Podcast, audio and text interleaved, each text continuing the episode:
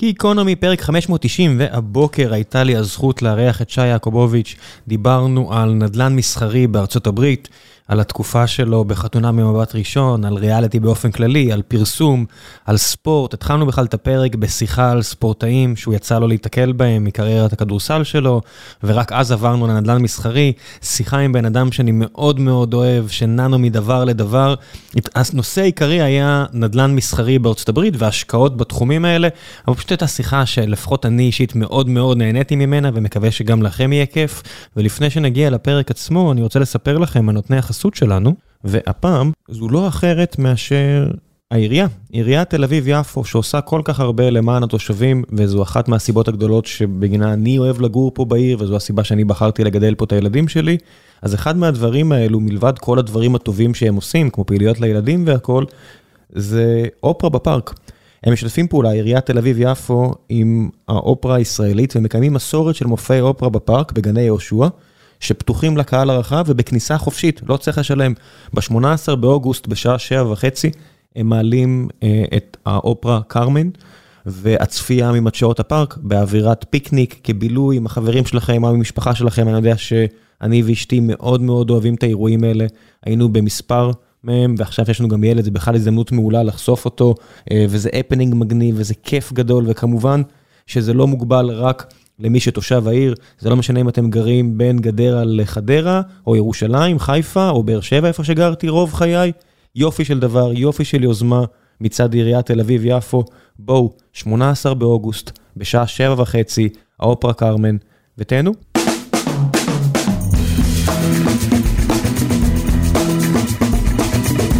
גיקונומי פרק 590 והבוקר, לא אחר הצהריים זה, יש לי את הזכות לארח את שי יעקובוביץ'. אהלן, מה נשמע? בסדר, אחרי כמה וכמה וכמה פעמים שדיברנו על נדל"ן מסחרי בארצות הברית ושלל נושאים אחרים, אמרנו בוא נשים מיקרופונים. נכון, באמת, אנחנו כבר כמה זמן מנסים לעשות את זה. שנתיים נראה לי.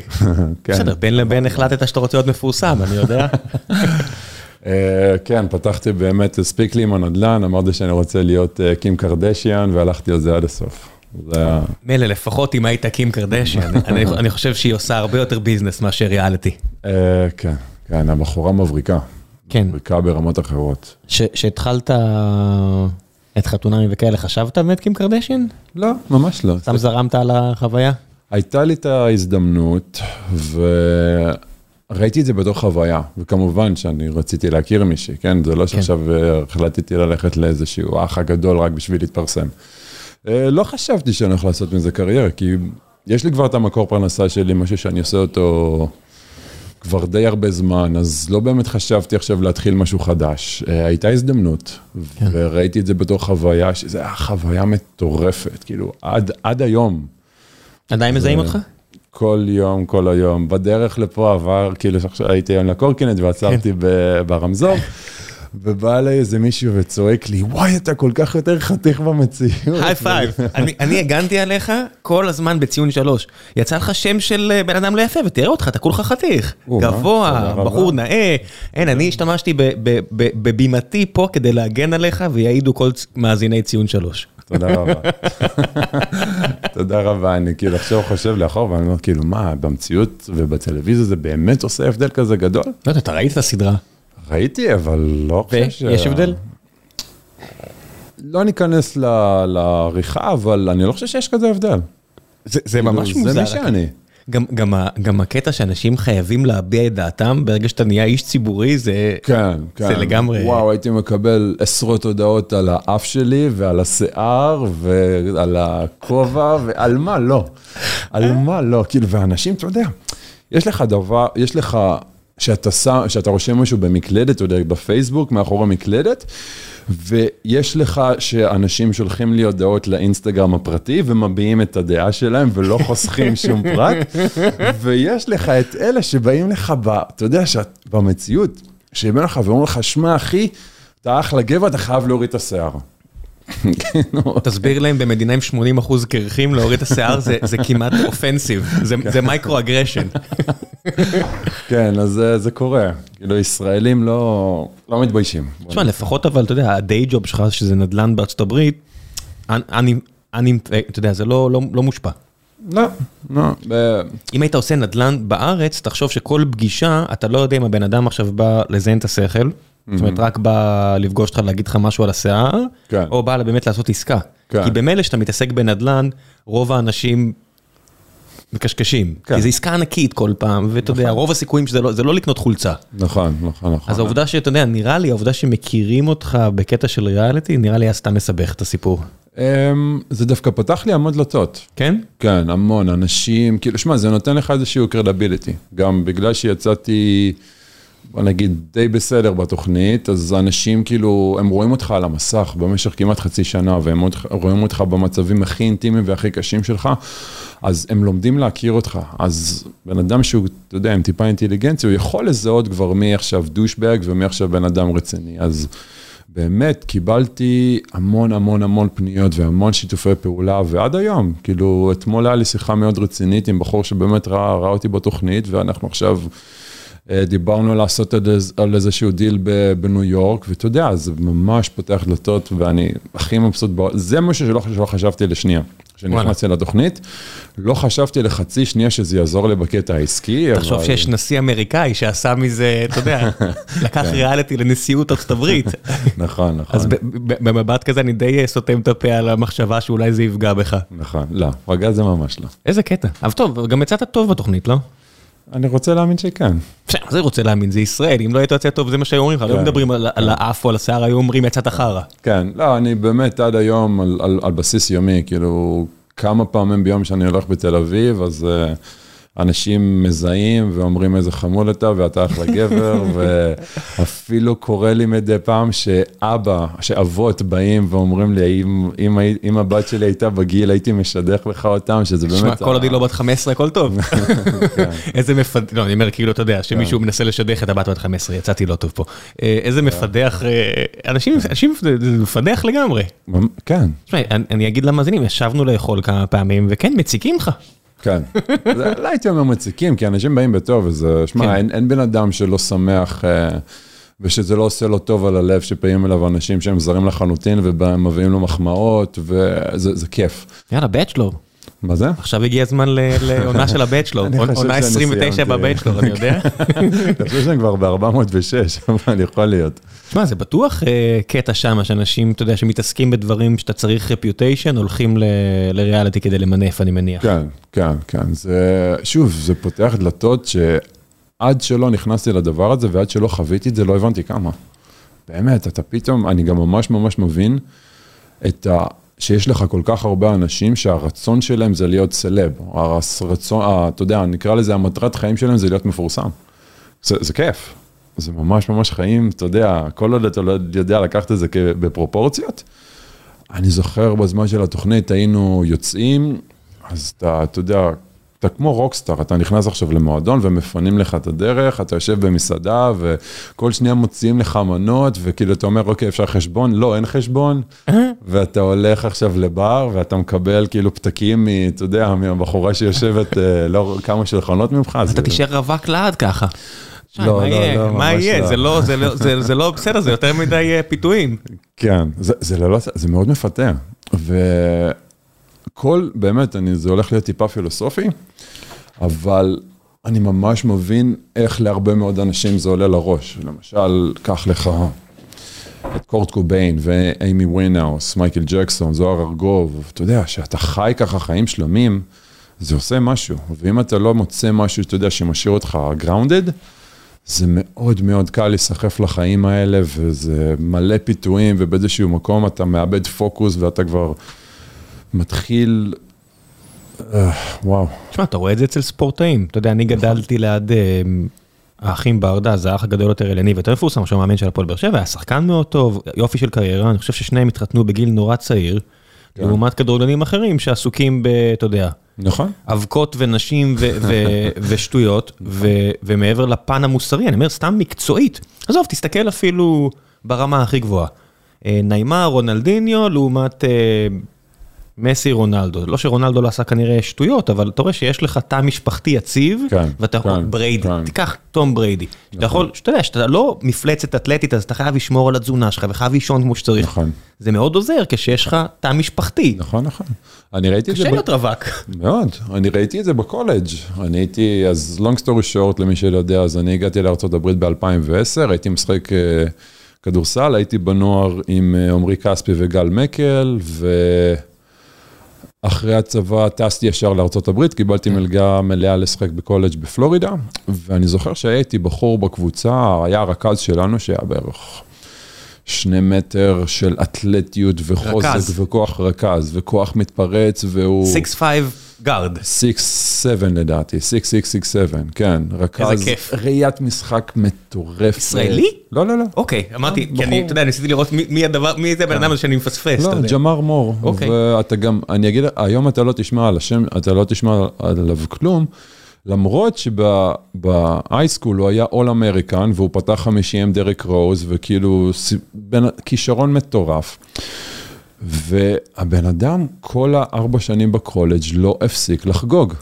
הוא היה מגיע לאימון חצי מסומם, חצי שיכור, והבן אדם מפוצץ בכישרון, ושוב, אתה יודע, אתה, אתה ספורטאי, אתה שחקן כדורסל בקולג', אז יש לך פיתויים מפה, ובאמת, כאילו, ברמות הכי גבוהות, ומי שלא יודע לעצור, אתה יודע, לשים את ה stop ולהגיד, אוקיי, זהו, יש לי מחר אימון, יש לי מחר משחק, אז ככה זה נראה, בדיוק כמו שאמרת. מה, אתה יכול להסתובב פה בעיר, אתה יכול לראות, לא תגיד, אה, אתה יכול לראות ראובן עובד, כל מיני חבר'ה כאלה בארץ, שהיה להם כל כך הרבה כישרון, אה. והם ב- בעטו סיכוי לחיים כל כך הרבה יותר טובים, כי לא היה להם מי שיפקס אותם, או שלא היה להם את ה inner drive הזה. כן. אתה יודע, כי הרבה ספורטאים, הרבה פעמים מגיעים מבתים...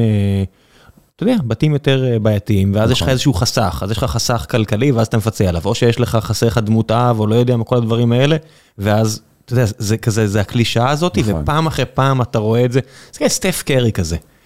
ברור שהוא לא אתלטית יותר טוב מ-50-60 אחוז מהליגה, כי הוא בטח אתלט על, כן, כן, NBA, כן, כן. אבל הוא גדל בבית.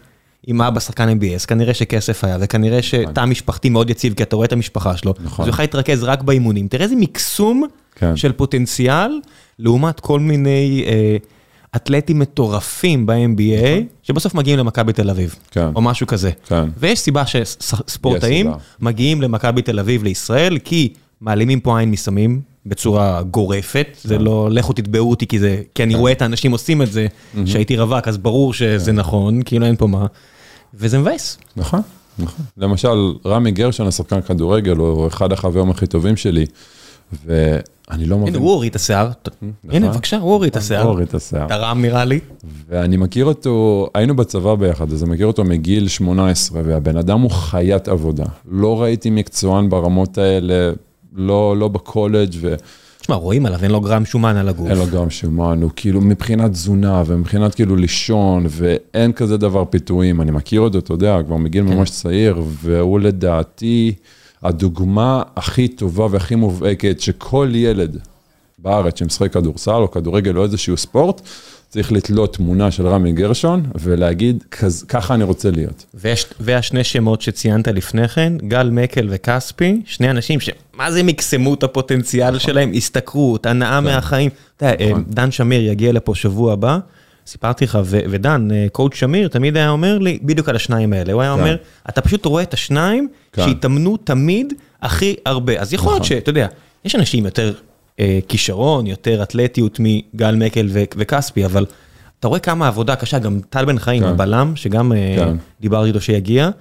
אני זוכר, אתה יודע, זה בן אדם שהיה רץ עם שקי חול בהרצליה, אז אני לא חושב שזו הצורה הכי חכמה להתאמן. אני חושב שהיום כבר יודעים יותר טוב, היום שהוא סוכן שחקנים, הוא בטח גם יודע להגיד לצעירים לא. נכון. אבל אתה רואה, מוסר עבודה. כן. הבלם ממכבי תל אביב הגיע לפאקינג צ'לסי. נכון? וזה לא לקומבינות, הוא הגיע לצ'לסי, הוא הגיע לווסט, הוא הגיע למקומות כאילו, זה- זה איזה מטורף זה. גל מקל, שמבחינת נתונים פיזיים הוא לא גבוה, הוא לא אתלט, הוא לא מאוד חזק, אבל כבר מגיל 16, הבן אדם היה לוקח, אני זוכר שהיה לו כאילו תזונאית, הוא לפני אימונים ותוך כדי אימונים היה מטפטף לעצמו ויטמינים, היה כאילו עושה מתיחות מטורפות, היה עושה דברים שאתה אומר, בגיל 16, מי חושב על זה אפילו? ים, ים, אדם- ים, הנה, ים, מד- ים, אה, מדר, מדר, איך קוראים לו, הילד? כן, כן. הוא גם הבנתי שהוא אותו דבר. כן. אז מעולה. שמע, זה עוזר שאתה מגיע מבית עם כסף, כי תזונאית ודברים כאלה, זה קשה. זה הרבה יותר בראש לדעתי, כן. זה הרבה יותר המנטליות, וגל מקל הגיע ל-NBA. כן. הוא הגיע ל-NBA. הוא הוא היה לשתי- שנייה וחצי בדאלאס, ולהיות שנייה וחצי, אנשים מזלזלים. הכי, הכי, הכי מטריף אותי, ואולי אני צריך אה, ללחוץ על עומרי כספי שיגיע, כי הוא אוהב פודקאסטים, אה, יש לו כן. אחד אפילו טוב. אה, כן, מעולה. כן, ו- וכולם, אתה יודע, אני רואה בתגובות, מה, יא לוזר, אף פעם לא היית בפלייאוף וזה, אני עושה, מה, מה יש לכם? א' כל הוא עשה עשרות מיליוני דולרים, אוקיי, אם יש אתם לו רוצים, טבעת. יש לו טבעת אליפות, כי אתה יודע, היה שם בעונה הרגילה עם גולדן סטייט והיה, היה בקב- הוא שיחק בקבוצה הכי טובה ב- ב- בעולם. בהיסטוריה, אוקיי? ב- אפילו לא מהקבוצות הכי טובות. בהיסטוריה. בדיוק. הוא היה כן. מהקבוצות- הוא היה חלק מהקבוצה הכי טובה בהיסטוריה, אז אתה יכול להגיד, חלק די משמעותי. כן, ותמיד תזכרו שהבן אדם הכי חלש בקבוצה הכי טובה ב-NBA, עדיין עשה כל כך הרבה יותר מכם. נכון. אני אומר, "איזה- איפה, ה- ה- זה- זה מגיע לעניין הזה של ריאליטי, אתה יודע, שאנשים מרגישים אה, יכולת להגיד לך משהו על האף שלך, כאילו לא יודע מה הם, אז תחשוב, בן אדם שבא לעומרי כספי, ואתה יכול לדבר על הדעות הפוליטיות שלו, אתה יכול לדבר על מה שאתה רוצה, כן. אבל הקריירת כדורסל שלו, כאילו, אי אפשר להתווכח על זה. אי אפשר להתווכח על זה. לא, אתה לא יכול, לא את היוסי בן עיון של העולם, אפילו לא דודו אוואט, שאתה יודע, די טוב בלמשוך לעצמו אש. שמע, כן. בן אדם שיחק שנים בספרד, מה יש לכם, כאילו, זה... כן, וגם אני, אתה יודע, כספורט פנאטי, גם אני נופל לשטויות, אבל תמיד אתה תמיד צריך לעצור את עצמך ולהיזכר. כן. בואנה, אתה יודע כאילו, מה הבן אדם הזה, זה ה pinnacle של ה pinnacle של ה pinnacle. כן. אתה רואה, זה גם, ב- אני בטוח שבנדל"ן, אתה מנתח עסקאות, אה, לא יודע מה, נדל"ן מסחרי, כמה החלטות אתה צריך לעשות כדי לעשות אה, כסף בסוף. וואו. וואו, יש כל כך הרבה, זה תהליך כל כך כל כך ארוך. בוא, בוא נעבור, הסברת לי את זה פעם על מפית באיזה, באיזה מסעדה, בוא, בוא נתחיל פה שנייה, בוא, יאללה, בוא, בוא. ניכנס דבר- שנייה ונחזור אחרי זה לספורט, אה, אבל החלטה מהרגע שאתה מקבל בוואטסאפ, התחלה של ליד, ל... ובוא בוא רק נגיד, אתה מתעסק רק בנדל"ן מסחרי. כן, אני לשנייה בשביל הצופים, לצופים, בשביל מי ששומע לנו. מי שצופה פה דרך החלון. אה, אני, דו... אני אגע בכמה נקודות מה ההבדלים בין נדל"ן מסחרי לבין נדל"ן מגורים.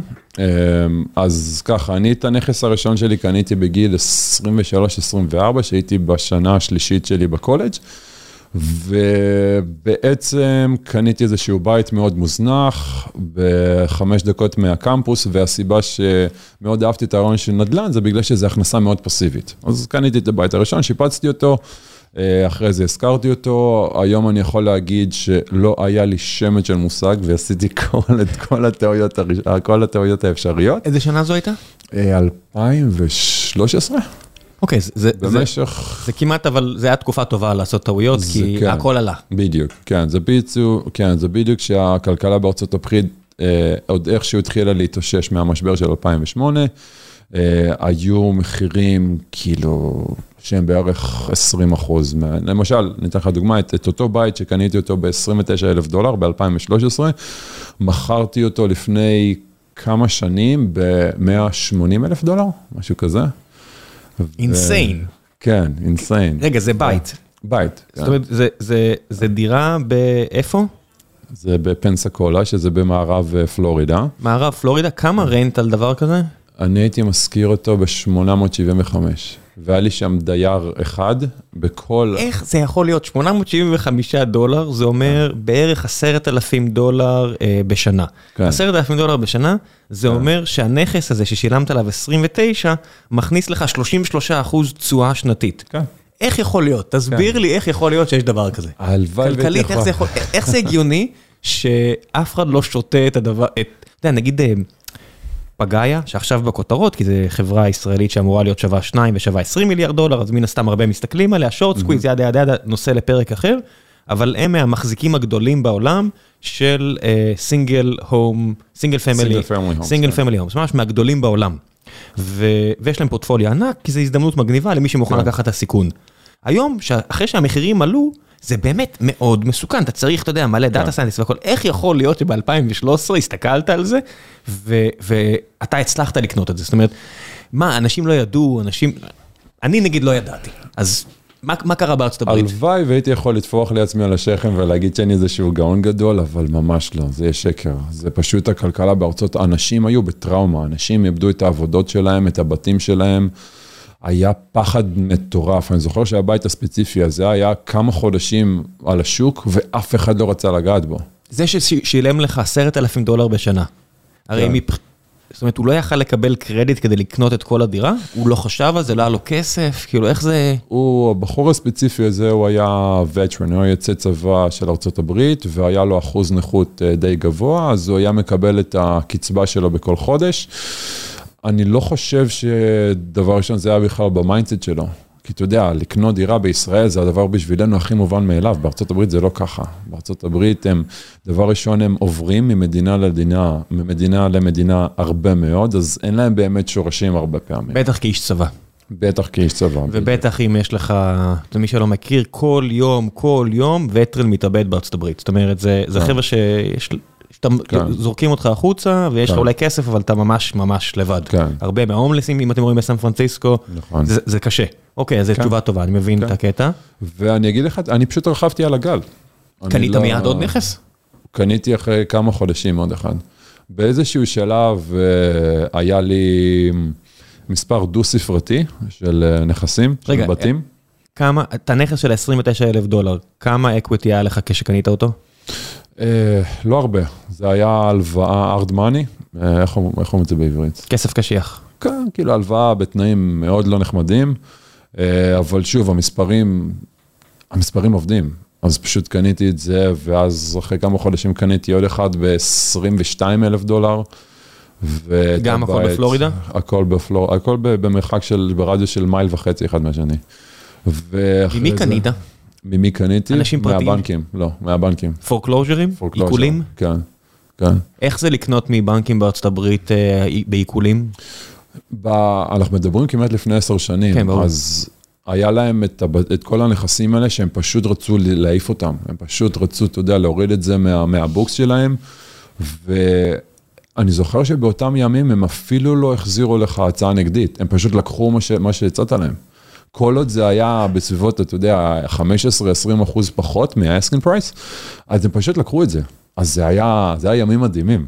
כאילו הציעו ב-36 אלף דולר דירה שמכניסה לך 10 אלפים דולר בשנה, אתה אמרת 30? אמרו כן. את הבית, את הבית שקניתי ב-29 אלף דולר, הוא היה ב-40 אלף דולר, הציעו אותו. אני נתתי להם 27 וחצי, והם חזרו אליי עם 29, ואמרתי, יאללה. ואת הבית השני שקניתי, שזה היה- כמה חודשים אחרי זה, הם הציעו אותו ב-30, הצעתי להם 22, והם פשוט לקחו את זה בלי לחזור אפילו עם הצעה נגדית. זה היה ימים ממש ממש יפים. ממש ממש יפים. ונכנס לך בראש באותו רגע, אתה יודע, באותו רגע אתה משחק כדורסל בקולג' והכל, נכנס לך הראש, וואו, I can make it big? כן, כן. באיזשהו שלב, אני זוכר שסיימתי את הקולג' והיה לי um, מספר כאילו סביר של נכסים שהכניסו לי הכנסה פסיבית לא רעה. כשכמה כמה חשוף היית לסיכון בשלב הזה? מה זאת אומרת? זאת אומרת, בגלל ש equity, הבעלות שלך על הבית, בארצות הברית, כן. בגלל אפשרויות, בגלל שהכל כל כך נוח, אנשים יכולים לקנות נכסים כשיש להם רק 10 או 20 אחוז מה, מהבית.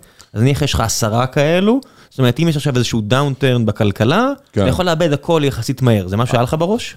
כן. לא מספיק, כי באותם ימים זה היה השנים הראשונות שהתחלתי, אז הייתי מאוד ביצועיסט, למשל, ידעתי לאתר משהו וידעתי להביא את האנשי מקצוע ולהביא את הדיירים. Craigslist?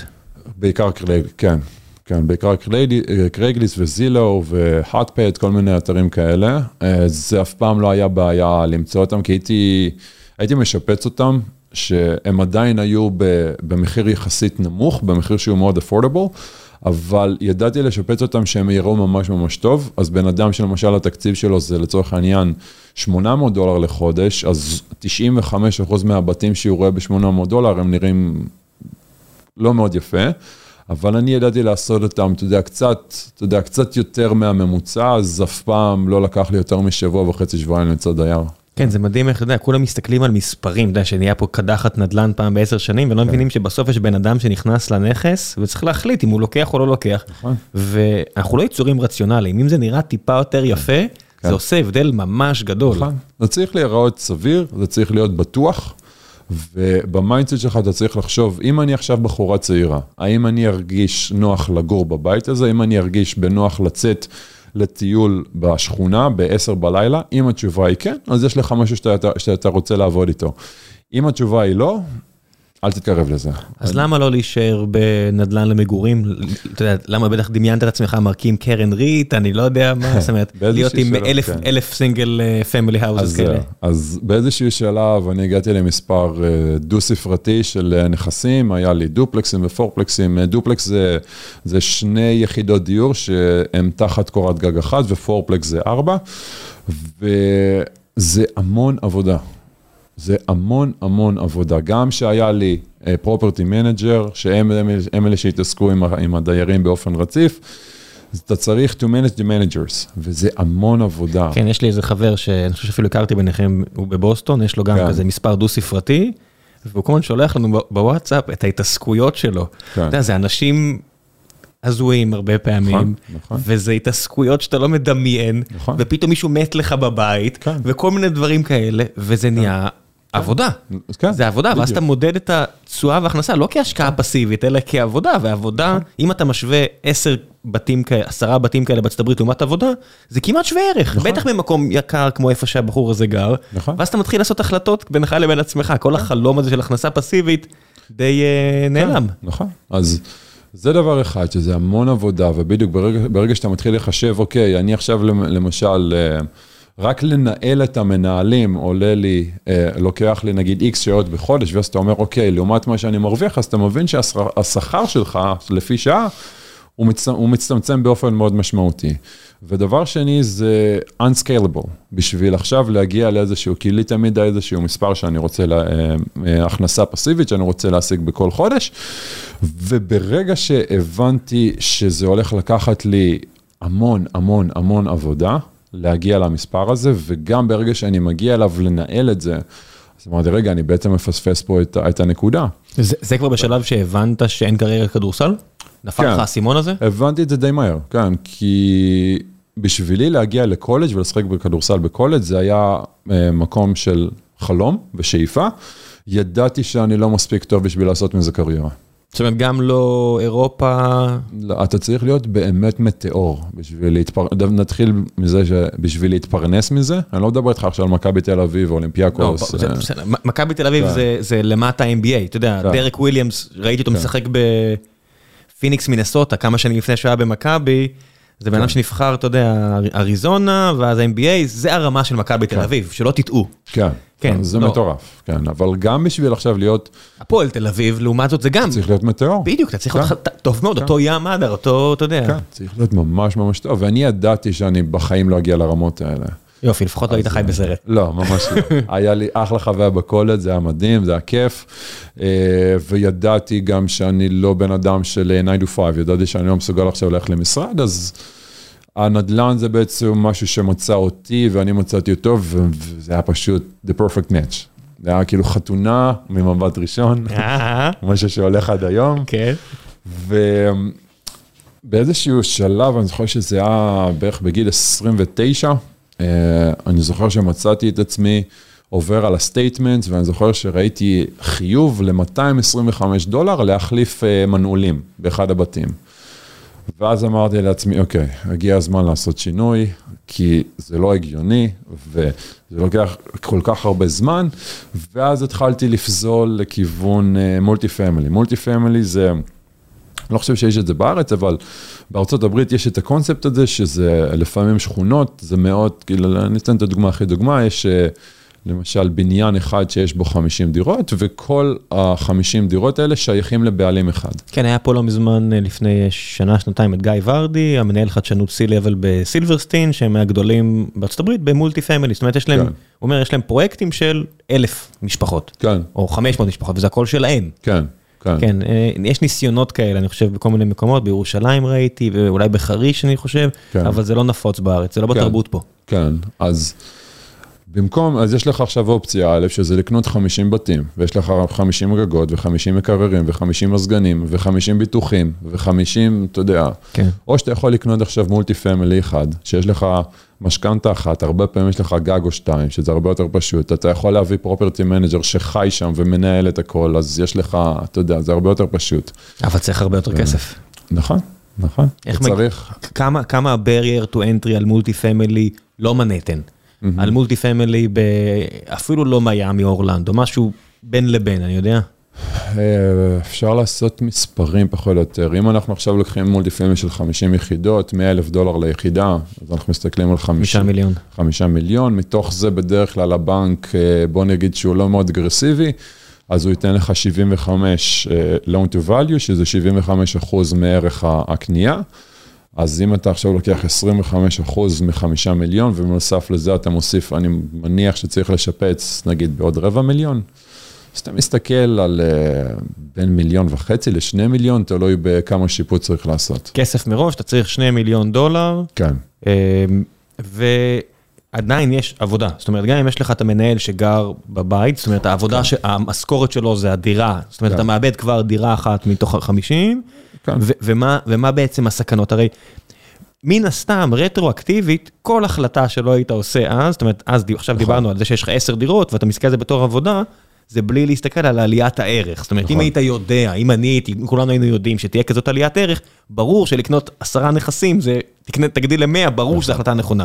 נכון. בדיעבד, אתה מסתכל אבל רק, אז הסתכלת רק על ההכנסה השוטפת. על ה-cash flow, כן. וכשאתה מסתכל למשל על מולטי פמילי כזה, 50 אה, דירות באזור פלורידה, לא מיאמי, מן כן. הסתם, כי זה, זה טירוף, למה לא?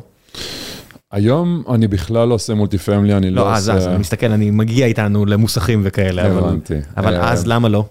היי חבר'ה, ניקח הפסקת חסויות ענה לפני שנחזור לפרק הזה עם שי. אני רוצה לספר לכם שהפעם נותני החסות שלנו זו פסטה ויה.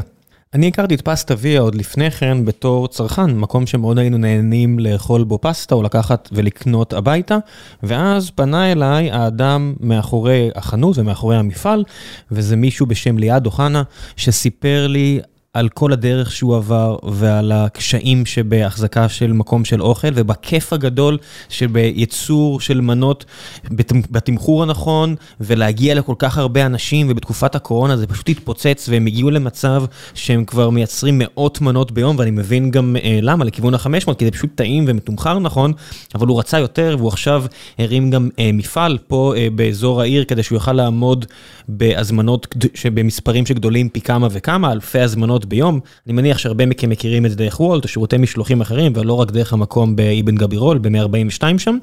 והדרך עצמה כל כך מעניינת מעבר לאוכל הטעים, אז דבר ראשון אני ממליץ לכם על המסעדה עצמה, או פשוט להזמין משם, או להגיע לשם, יופי של אוכל במחירים מעולים, אבל מעבר לכך אני גם ממליץ לכם לשמוע על הדרך שליד עבר. יש לוולט פודקאסט משלהם, שבו הם מארחים אה, את החבר'ה שעובדים איתם, המסעדנים, ונותנים להם במה לספר על הסיפור שלהם, וכיף ומעניין לשמוע על עסקים אמיתיים, כמו שבפרק הזה, פה עם שי, אנחנו מדברים על נדל"ן, ועל כל מיני דברים כאלה שהם לא בהכרח רק סטארט-אפים שהרבה יש פה בגיקונומי, אלא גם דברים אחרים.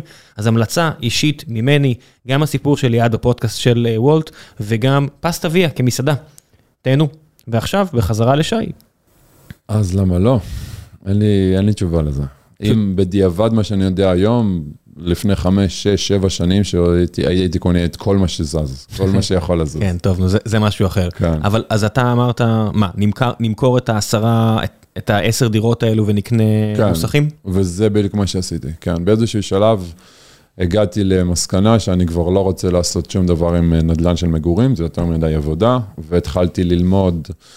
אה, על נדל"ן מסחרי, אז עכשיו נדל"ן מסחרי זה תחום מאוד מאוד רחב, זה כולל בתוכו מלונות ומחסנים ומרכזי קניות ובתי אבות ו self storage וכל כך הרבה דברים ש... ותתי קטגוריות שזה באמת, אפשר לעשות ש... שלושה פרקים רק על זה. ואני בעצם חיפשתי מה שיהיה כמה שפחות עבודה, כמה שיותר פסיבי. ו... התחלתי למכור את כל, ה, את כל הבתים שהיו לי בשביל שיהיה לי את, ה, את ההון עצמי בשביל לקנות אה, אה, בניינים מסחריים. ואני זוכר שביום הולדת, יום הולדת 30 שלי, קניתי את הבניין המסחרי הראשון שלי. שהיה כיף. לי, כן, שזה מרכז, שיש לי אותו עד היום, קניתי אותו ב-400 אלף דולר. ואני... רגע, 400 אלף דולר היה חלק שלך. לא, קניתי אותו. זה סך הכל המחיר? המחיר? כן, קניתי אותו ב-400 אלף דולר, זה דיל מטורף. כן. והיום הוא שווה בערך 1.4, 1.5. ושווה לך להחזיק אותו היום? אתה מסתכל על נכס כזה? כן, כאילו, היום זה הנכס הכי קטן שיש לי בכל הפורטפוליו, גם מבחינת השווי שלו וגם מבחינת הגודל שלו. באיזשהו מקום, הוא? קצת ה baby שלי. בקט- זה- אוקיי, נכס כזה של 400 אלף דולר, אה, בניין משרדים. לא, זה לא בניין משרדים. זה, אה, זה, זה שטח של, אה, זה מה שאמרתי. יש, יש לי שם מחסנים ויש לי שם חנות. אז יש לי חנות ב... שהיא על, על הרחוב הראשי, ומאחורי זה יש אה, מחסנים. וכן, כאילו זה אחלה... יש לך איזשהו חשש, כאילו, לאורך השנים, או עכשיו, מאיזשהו דאונטרם, מיתון, שיגרום ל... לדיירים שלך לפנות את המחסנים שלהם? כן, כן, איך אתה. מגן על עצמך מדבר כזה? הדרך הכי טובה זה פשוט לא over leverage, שאתה לא לוקח יותר מדי ממה, שהק... ממה שהנכס יכול, אה, ממה, שהק... ממה שהנכס יכול להחזיר. אני משתדל לעב... אף פעם לא לעבור את ה-70-75% מימון מהבנק, כי ברגע שאתה, ברגע שאתה עובר את זה ואתה מתחיל אה, למשל ריסשן, כמו שעכשיו, אנחנו בה- בה- בהתחלה בארצות הברית, אז זה מתחיל להיות מסוכן. כי דיירים מתחילים או לאחר בתשלומים, או שפתאום הם יוצאים לך ומפרים חוזה, ואז אתה פתאום, רגע, יש לי הוצאות, הבנק לא מעניין אותו אם יש רסשן או רסשן, הבנק רוצה את הכסף שלו, ואז זה מתחיל להיות מסוכן. וזה בדיוק הסיבה שיש לך כל כך הרבה חברות, גם מאוד מאוד גדולות, שככה הן נופלות. over-leveraged. over-leveraged, או שהם קנו אותו ב top of the market, הם קנו אותו במחיר אסטרונומי, והם חשבו שאתה יודע שהחגיגה הולכת להימשך לנצח.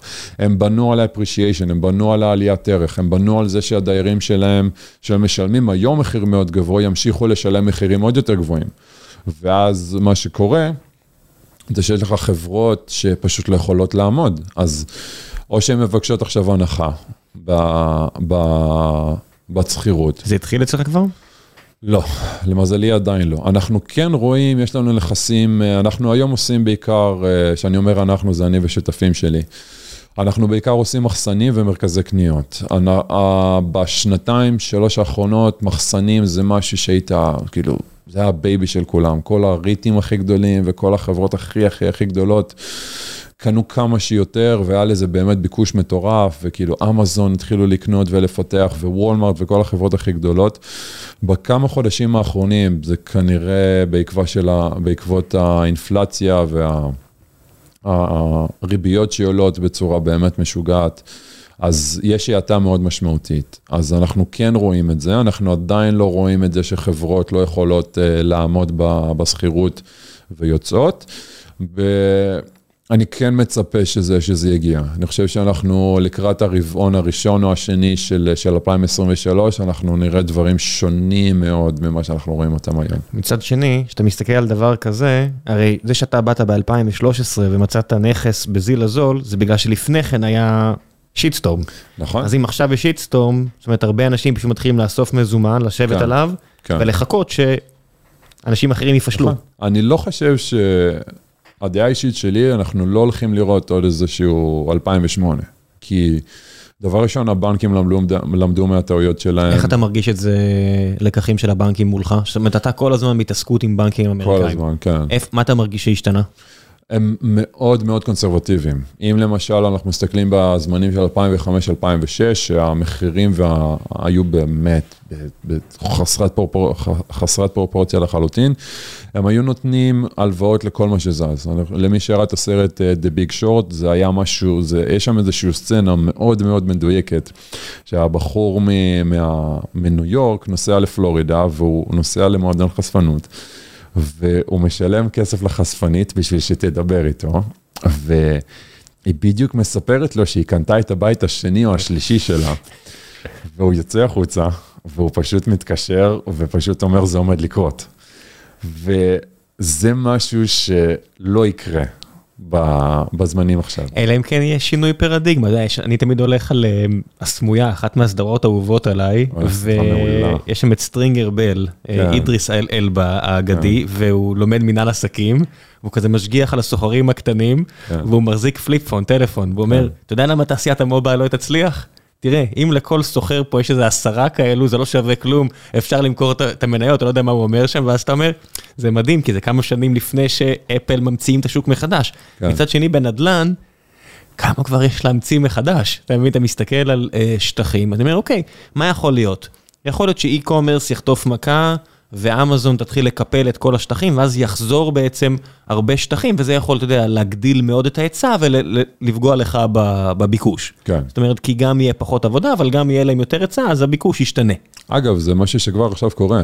אמזון מתחילים להחזיר שטחים. אמזון מתחילים לעשות סאבלט, אמזון הגדולים. ברור. ש...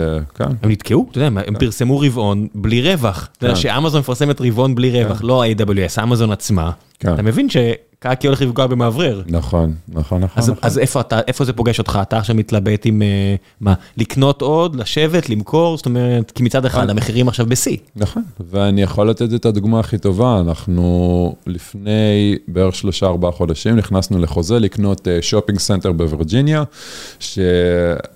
אני, אתן, אני אפילו אתן מספרים. הוא היה, המחיר שלו היה קרוב ל... אני חושב 19.8 מיליון דולר. עצור, איפה, איפה בווירג'יניה אנחנו מדברים? בוויליאמסבורג.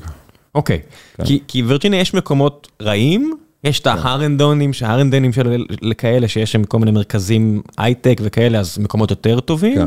וויליאמסבורג זה לא מקום רע.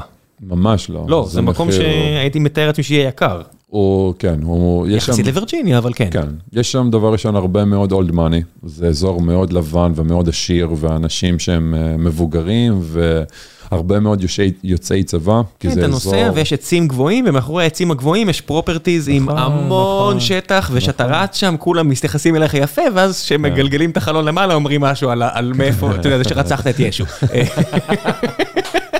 למי זה לא קרה. כן, אתה יודע, אני מדבר מזיכרון, כן. לא, לא מדבר מהאוויר. שמעת מחבר. כן, כן. לא, לא, לא שמעתי מחבר, זה, אתה יודע, סיטואציה שקרתה. כן. למי לא היה סיטואציה רעה ב Red Lobster בווירג'יניה, אבל אה, בסדר. ואתה שם, אתה מסתכל על מרכז מסחרי, 20 מיליון דולר של כמה square feet?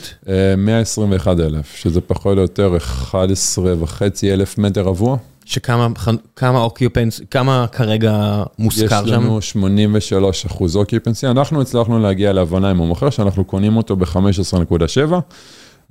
כבר 25 אחוז הלך?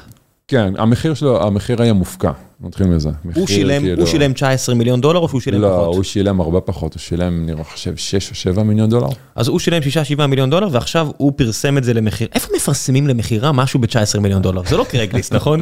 ממש לא קרקליסט. זה לא זילו, נכון? לא, לא, לא. איפה מפרסמים למכירה? יש לופנט ויש קרקסי ויש 10X, שזה פלטפורמה של מכירה פומבית לנכסים אה, מסחריים.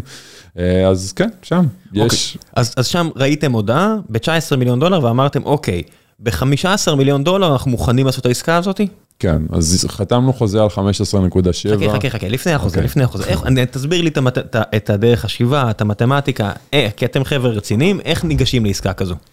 דבר ראשון, אנחנו, הדבר הכי הכי הכי חשוב זה המיקום. כי גם אם המספרים עובדים, אבל עכשיו אני מביא לך דיל ב-middle of nowhere באלבמה, זה לא מעניין, כי זו עסקה שהיא היא פשוט, היא לא רלוונטית, יש שם סיכון יותר מדי גדול. אתה אז, נוסע לשם או שאתה מסתכל רק בגוגל וכאלה? אני נוסע, מה זה נוסע? אני טס. אני לא, טס ברור. רק אחרי שיש לנו חוזה חתום. לפני שחתמת על חוזה, בכלל לא היית שם. לא, לא. אז על מה אתה מסתכל? איזה פרמטרים מסתכלים? אנחנו מסתכלים, אוקיי. אה, וואו. יש לנו זמן. אוקיי, סבבה. יש לנו זמן. דבר ראשון, המספרים, אתה רוצה לבדוק שיש לך, שהמספרים הם make sense, אתה רוצה, לבדוק, אתה רוצה לבדוק, דבר ראשון, שאתה קונה את זה ב-low ב-replacement value, למשל, שעולה, שאתה קונה את זה בפחות ממה שיעלה לך לבנות את אותו, את אותו נכס, זה דבר אחד. דבר שני, אתה רוצה לראות באיזה צורה אתה קונה את זה, אתה רוצה לבדוק מה ה-cash on cash, אם אתה עכשיו שם למשל חמישה מיליון דולר, כמה אתה מקבל על זה באופן שנתי, ואתה, לא ומה שלנו מאוד מאוד חשוב זה ה-upside. מה זה ה-upside? אנחנו רוצים שמש, לראות שמה שאנחנו קונים היום, אנחנו הולכים להשביח אותו, וזה לא תלוי עכשיו במה קורה בשוק ומה קורה עם, עם מצב הכוכבים. אנחנו יכולים לעשות 1, 2, 3 ואנחנו משביחים את הנכס. מה זה 1, 2, 3? אני אתן דוגמה על ידי נכס אה, שקנינו בשרלוט, קנינו, סגרנו עליו בנובמבר 2000 ב-2021, קנינו אותו ב-1.9, שבוע הבא אנחנו הולכים להוציא אותו למכירה ב-4.2 מיליון דולר. מה קרה בין לבין? אני אגיד.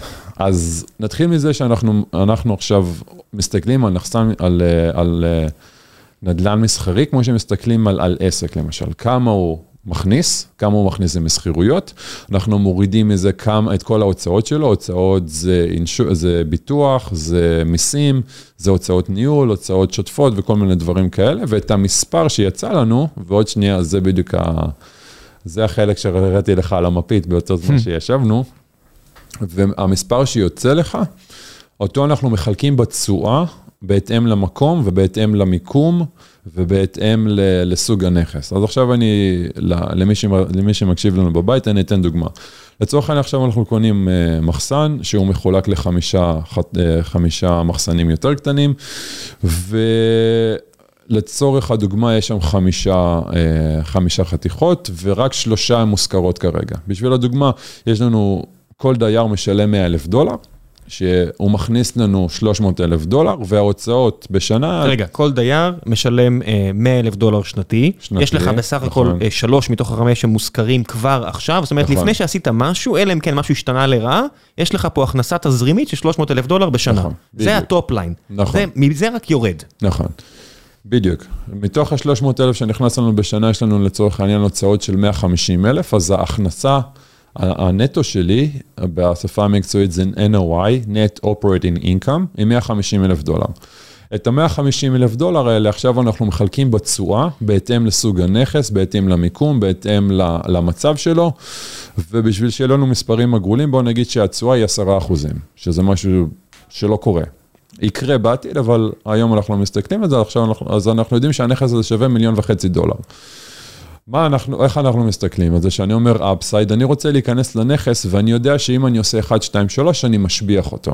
קניתי את הנכס הזה, אני מקבל, ההכנסה נטו שלו היא 150 אלף דולר.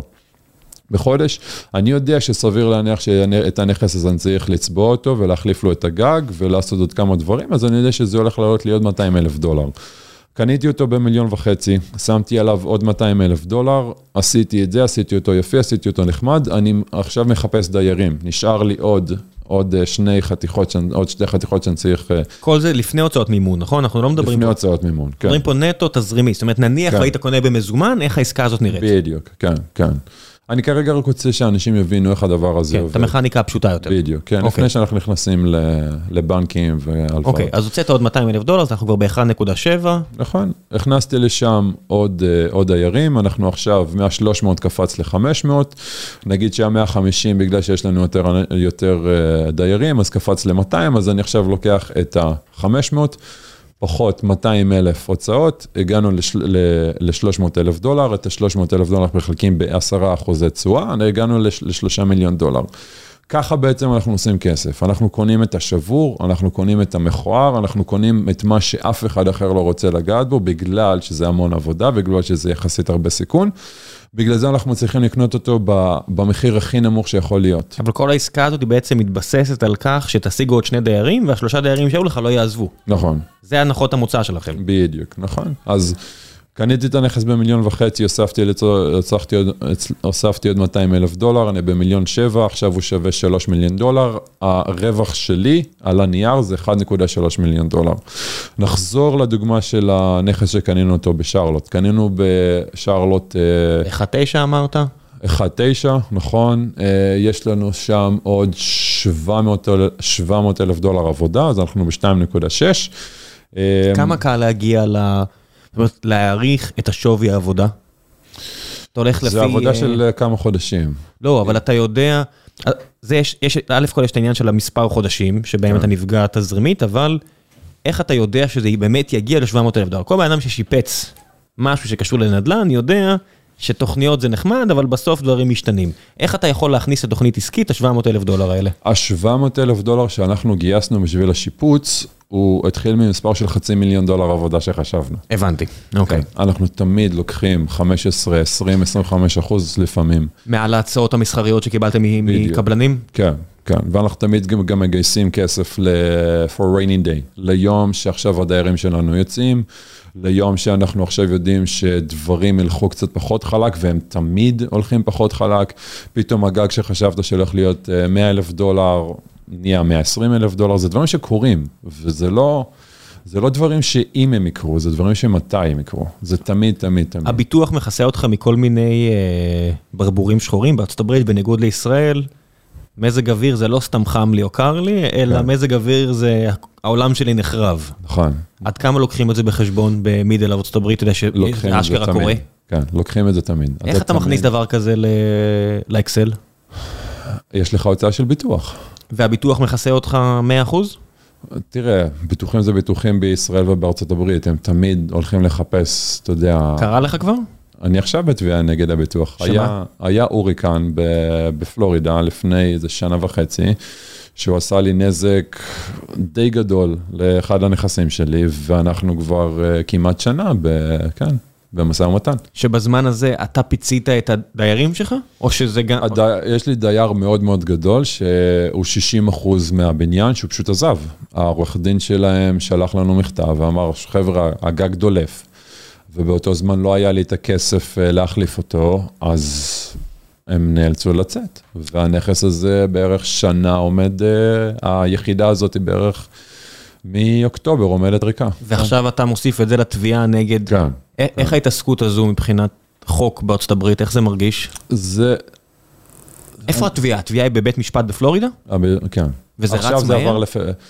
זה בגלל שלפני כמה חודשים זה עבר לפדרליה, זה רץ הרבה יותר מהר, כן. אבל הם לא, הם לא ממהרים לשום מקום. הם, הדרך שלהם זה להתיש אותך. הם עכשיו רוצים שאתה בעצם תגיע למצב שאני חייב את הכסף, אני עכשיו מוכן לקחת מה שאתם נותנים לי, רק בואו נסגור את זה כבר כדי שאני אוכל, אבל... למרות שאתה ביזנס, אתה לא בן אדם פרטי, ואתה קונה מהם ביטוחים על נכסים אחרים. זאת אומרת, נכון. עכשיו אתה רואה מי יש לך עסק, כן.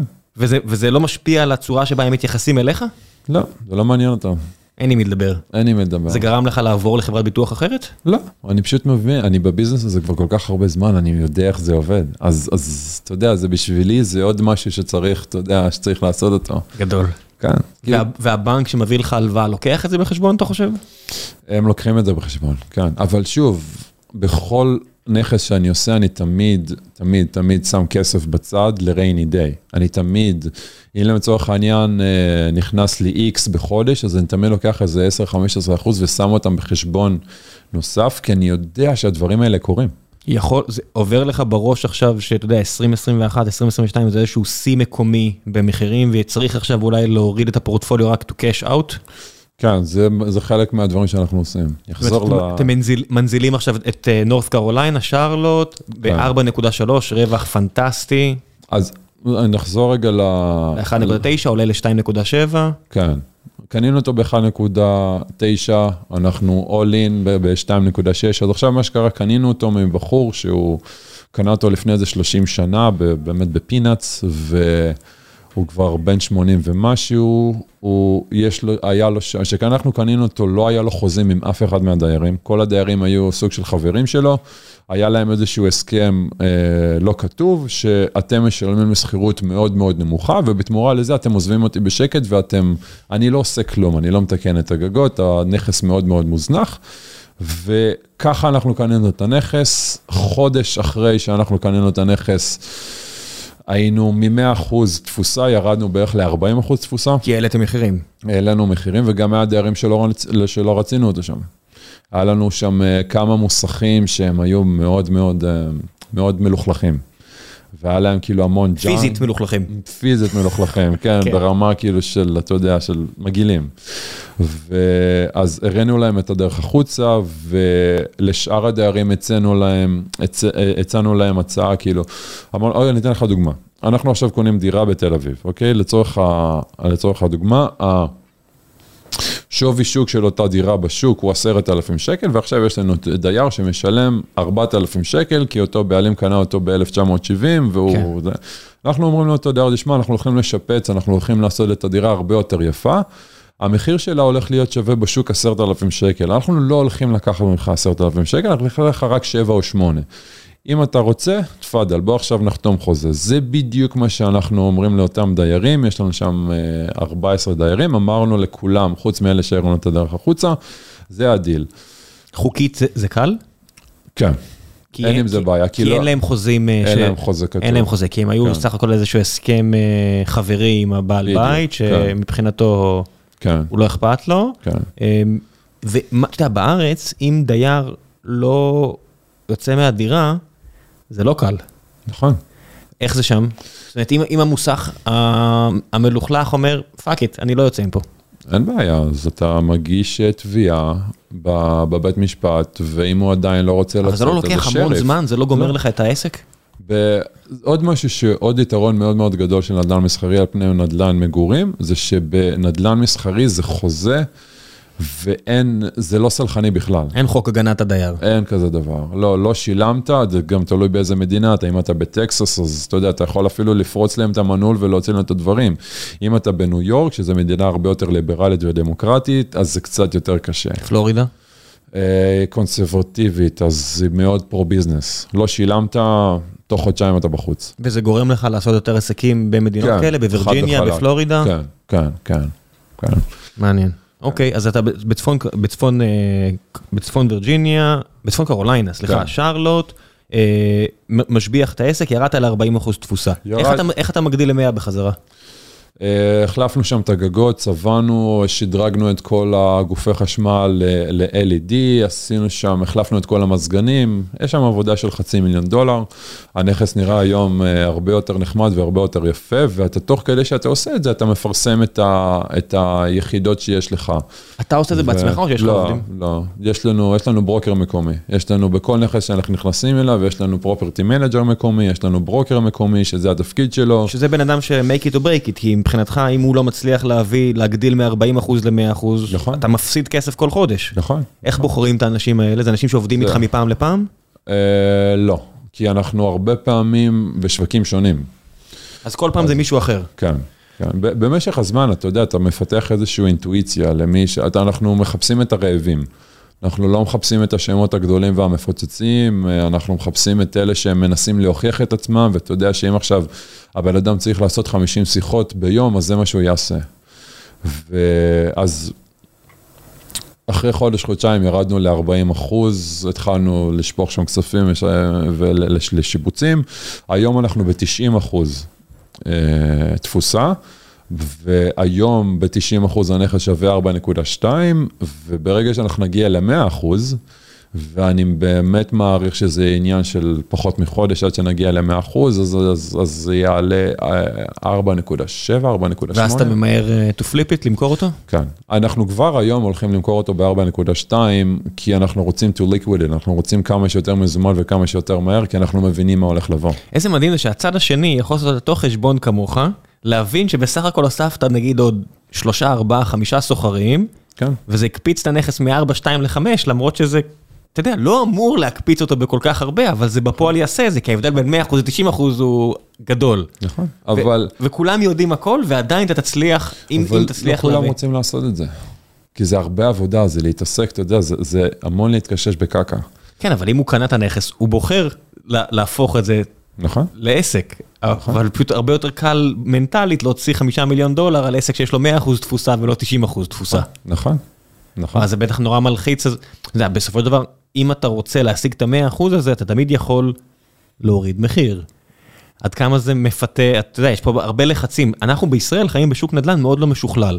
אז למרות שהריביות במשכנתאות עלו מאוד, למרות שהיה הרבה פיטורים, למרות שהרבה יותר קשה לגייס כסף כן. בטק ומקומות אחרים, המחירי דיור תקועים, כי א', יש מעט מאוד עסקאות, וזה bullshit market, צריך להגיד את האמת. כן. בארצות הברית, בצפון קליפורניה, תוך שנייה אתה רואה ירידה של מאות אלפי דולרים במחירים של נכסים, תוך שנייה. נכון, נכון. כי השוק הרבה יותר משוכלל. אז איך, איך זה לא גורם לך, זאת אומרת, או למה זה לא, למה זה לא גורם לך להוריד מחירים, למצוא את הדיירים ולהעיף את זה כמה שיותר מהר? זה משהו שאנחנו אנחנו היום הרבה יותר גמישים במחיר. וואלה. אם אנחנו מסתכלים על לפני שלושה ארבעה חודשים אחורה, המחיר שאנחנו רצינו, זה המחיר שאנחנו נקבל ואין שום, התגש... ואין שום הת... התגמשות, כן, נכון? התגמשיות, כן. כן. בגלל שאנחנו יודעים כמה שהשוק חם. היום דברים משתנים מאוד מהר, אז היום אם אתה, אם אתה תציע לנו 10, 15, אל תגיד את זה לדיירים שלנו. אנחנו מדברים בעברית, כן. אז אנחנו ניקח את זה. אה, אני אתן לך דוגמה בעוד נכס שיש לנו בפלורידה, זה חוזה שחתמנו אותו ממש לפני כמה ימים. אה, זה מחסן שעמד לנו ריק בערך חצי שנה, כי הוא נראה זוועה. קנינו אותו גם ממוכר שהוא מאוד מבוגר, והוא קנה אותו ב-1990, הוא לא עשה כלום במשך כל הזמן שהוא, שהוא היה בעלים. ו... לפני כמה ימים, בשעה טובה, אנחנו חזרנו, חתמנו חוזה עם חברת בנייה, אחת הגדולות בכל פלורידה. הם, הם עושים, ה-revenue שלהם בשנה זה 4 מיליארד דולר, שתבין כמה שהם גדולים. והם עכשיו... והם ישפצו לך את המוסך הזה? אני שנייה, מחסן? אני כבר אגע בזה. וחתמנו איתם על חוזה, כי הם עכשיו בונים בית חולים לא רחוק מהמחסן שלנו, והם פשוט צריכים לאחסן ציוד. והם אמרו, שמעו, אנחנו ניקח את המחסן, למרות שהוא מאוד מכוער. כי אנחנו צריכים לאחסן שם אה, ציוד, אבל אנחנו לא רוצים לשלם את המחיר שאתם רוצים. אמרנו, אין בעיה, אנחנו הולכים לתת לכם 6-7 אחוז אה, הנחה, ובשכירות של 15 אלף דולר בחודש זה די משמעותי. בתמורה לזה הם שילמו לנו שנה מראש. אז עכשיו אנחנו הולכים לקבל, קיבלנו אתמול צ'ק של 180 אלף דולר, שאיתו אנחנו הולכים לשפץ אותו.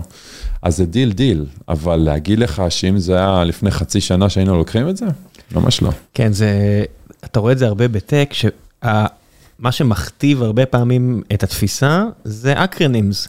איזה acronym הכי מעניין אותך? האם זה יהיה ה- TROI, time to return on investment, כן. או משהו אחר, זאת אומרת, כי, וזה תמיד מושפע מכמות הכסף הנזיל, אתה יודע, כולם מזיינים את השכל, איזון כלכלי, וכולם מדברים, בסוף יש כסף, וכסף כן. צריך, לי, לי, החודש צריך להיסגר, השנה צריכה להסתדר, יש מכפילים, בסוף זה דברים שהם מאוד מאוד, האקסל כן. צריך לעשות שכל, ושמישהו מביא לך כסף מראש, בתקופה שמזומן הוא לא מעניין, לא באמת אכפת לי, שבתקופה שמזומן כן מעניין, כן. זה עולם אחר. כן. כסף מראש שווה כסף. נכון. ואנחנו. עכשיו במקום שכסף שווה, אנשים. רוצים את המזומן. בחצי שנה, שנה האחרונות, אתה רואה את כל החברות הכי גדולות, את כל הריטים הכי גדולים בעולם, את הבלקסטונים ואת הקימקו ואת כל המטאורים של עולם הנדל"ן, הם פשוט במרוץ חימוש. הם מגייסים ומגייסים ומגייסים ומגייסים. אחת הסיבות שאני לא חושב שהולך להיות משהו שהוא מאוד משמעותי, שהולך להיות um, מאוד משמעותי, זה בגלל שיש לך כל כך הרבה כסף בחוץ.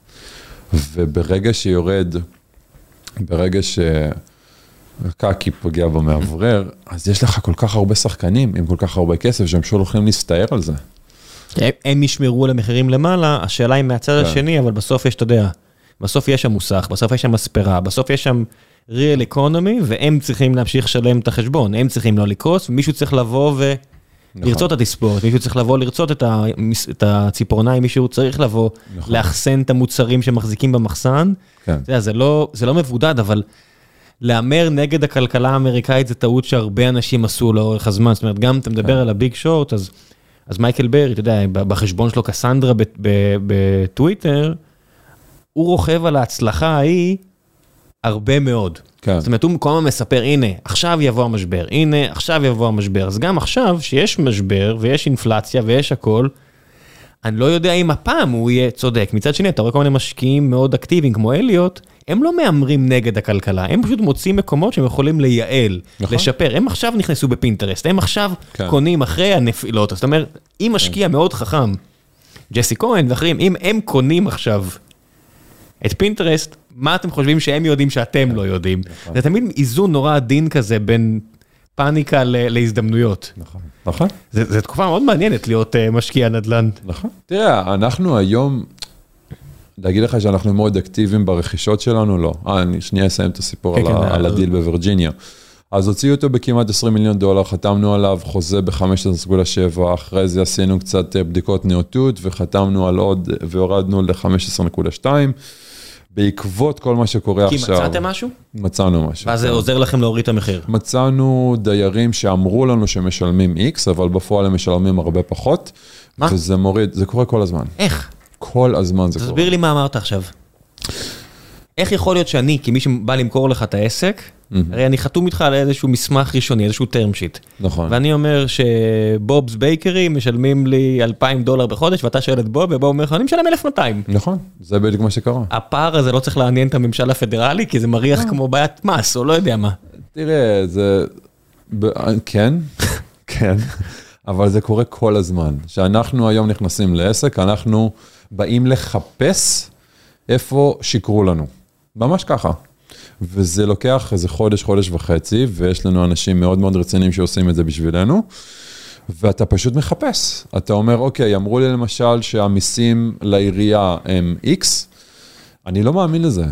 אני עכשיו הולך לקחת מישהו שיתקשר לעירייה, שיחפש כמה באמת הם משלמים, והרבה מאוד פעמים ההוצאות שנותנים לך הן הרבה יותר נמוכות ממה שהן בפועל, וההכנסות, נחזור לדוגמה, אם יש לי עכשיו שלושה דיירים שמשלמים לי 100 אלף דולר, אז בשמונה מתוך עשר פעמים אני אגלה שהם משלמים 85, הם משלמים, אתה יודע, 92, אבל... איך נראה פרופרטי טקס על נכסים שהם אה, מסחריים ולא נדל"ן למגורים? אה, זה פחות או יותר אותו דבר. למשל בפלורידה אתה סביב ה-1.8, 1.9 משווי הנכס.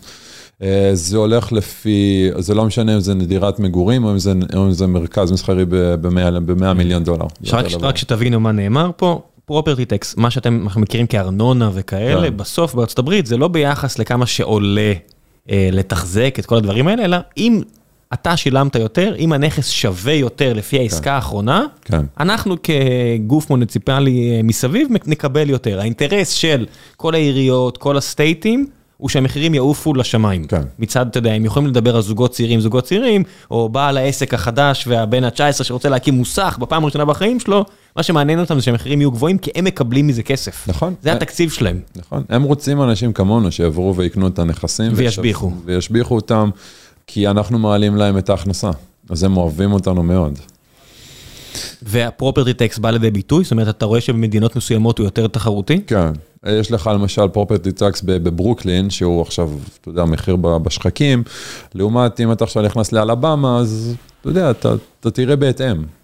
וואלה, ו- ו- ומה המדינות שאתה לא תעבוד בהן בגלל ש... זאת אומרת, יש לך נגיד, לא יודע, אתה states כמו ניו יורק, שפשוט יקר מדי, יש לך states שאתה אומר, אני לא רוצה לגעת ב state הזה כי זה פשוט state hopeful, hopeless? כן, יש המון כאלה. אתה יכול לספר? ברגע שאנחנו, כן, למשל, הסיבה שאנחנו מאוד אוהבים את פלורידה ואת טקסס, זה בגלל שעוברים אליהם כמויות מטורפות של אנשים, כמויות של, של businessים.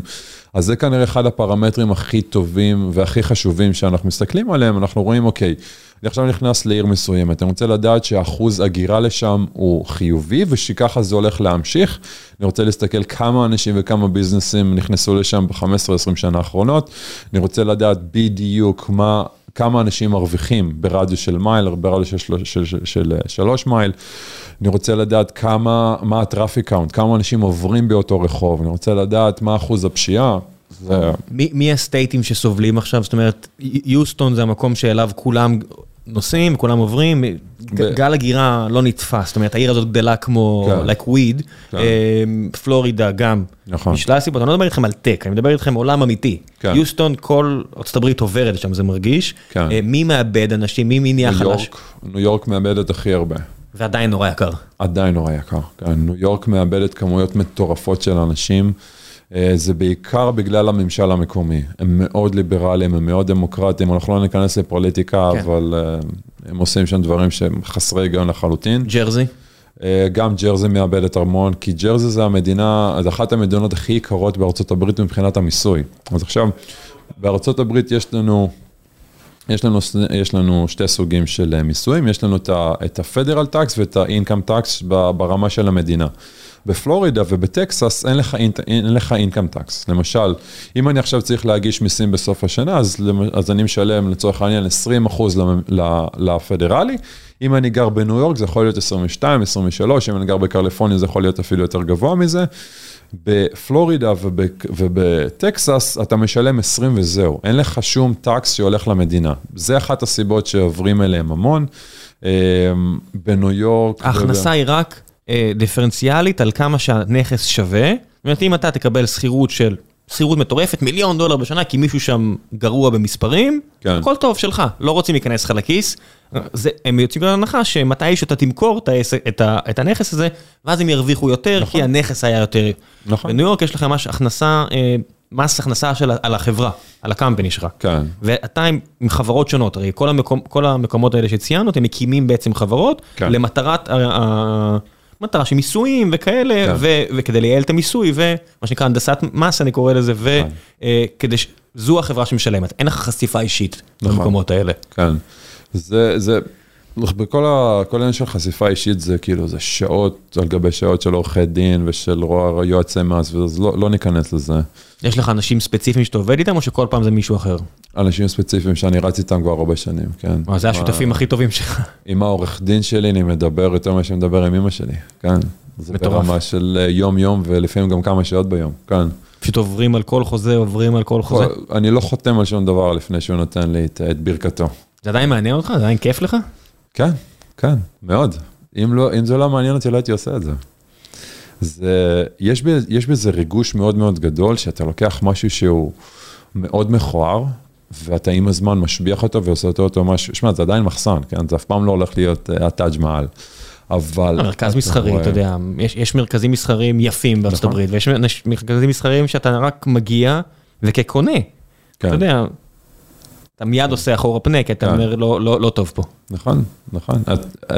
זה בדיוק מה שאנחנו קונים, ואז אנחנו רוצים להפוך את זה למשהו שאנשים ירצו לבוא אליו, ואז אנחנו גם משפרים את השכונה, אנחנו משפרים את הפרנסה של הדיירים שלנו, שבסופו של דבר זה אנשים, אתה יודע, זה בעלי עסקים, וזה משהו שאני מאוד נהנה ממנו. אני עכשיו מאוד נהנה לקחת משהו שהוא מאוד מכוער, שהוא שבור, אני עושה מה שאני עושה, אני משפר אני משפר את כל האיכות, את כל האיכות חיים של כל מי שגר מסביב, ואני מקבל על זה כסף, וכנראה אחד הסיפורים הכי גדולים שלי זה, זה לתת את, ה, את הצ'קים למשקיעים שלנו.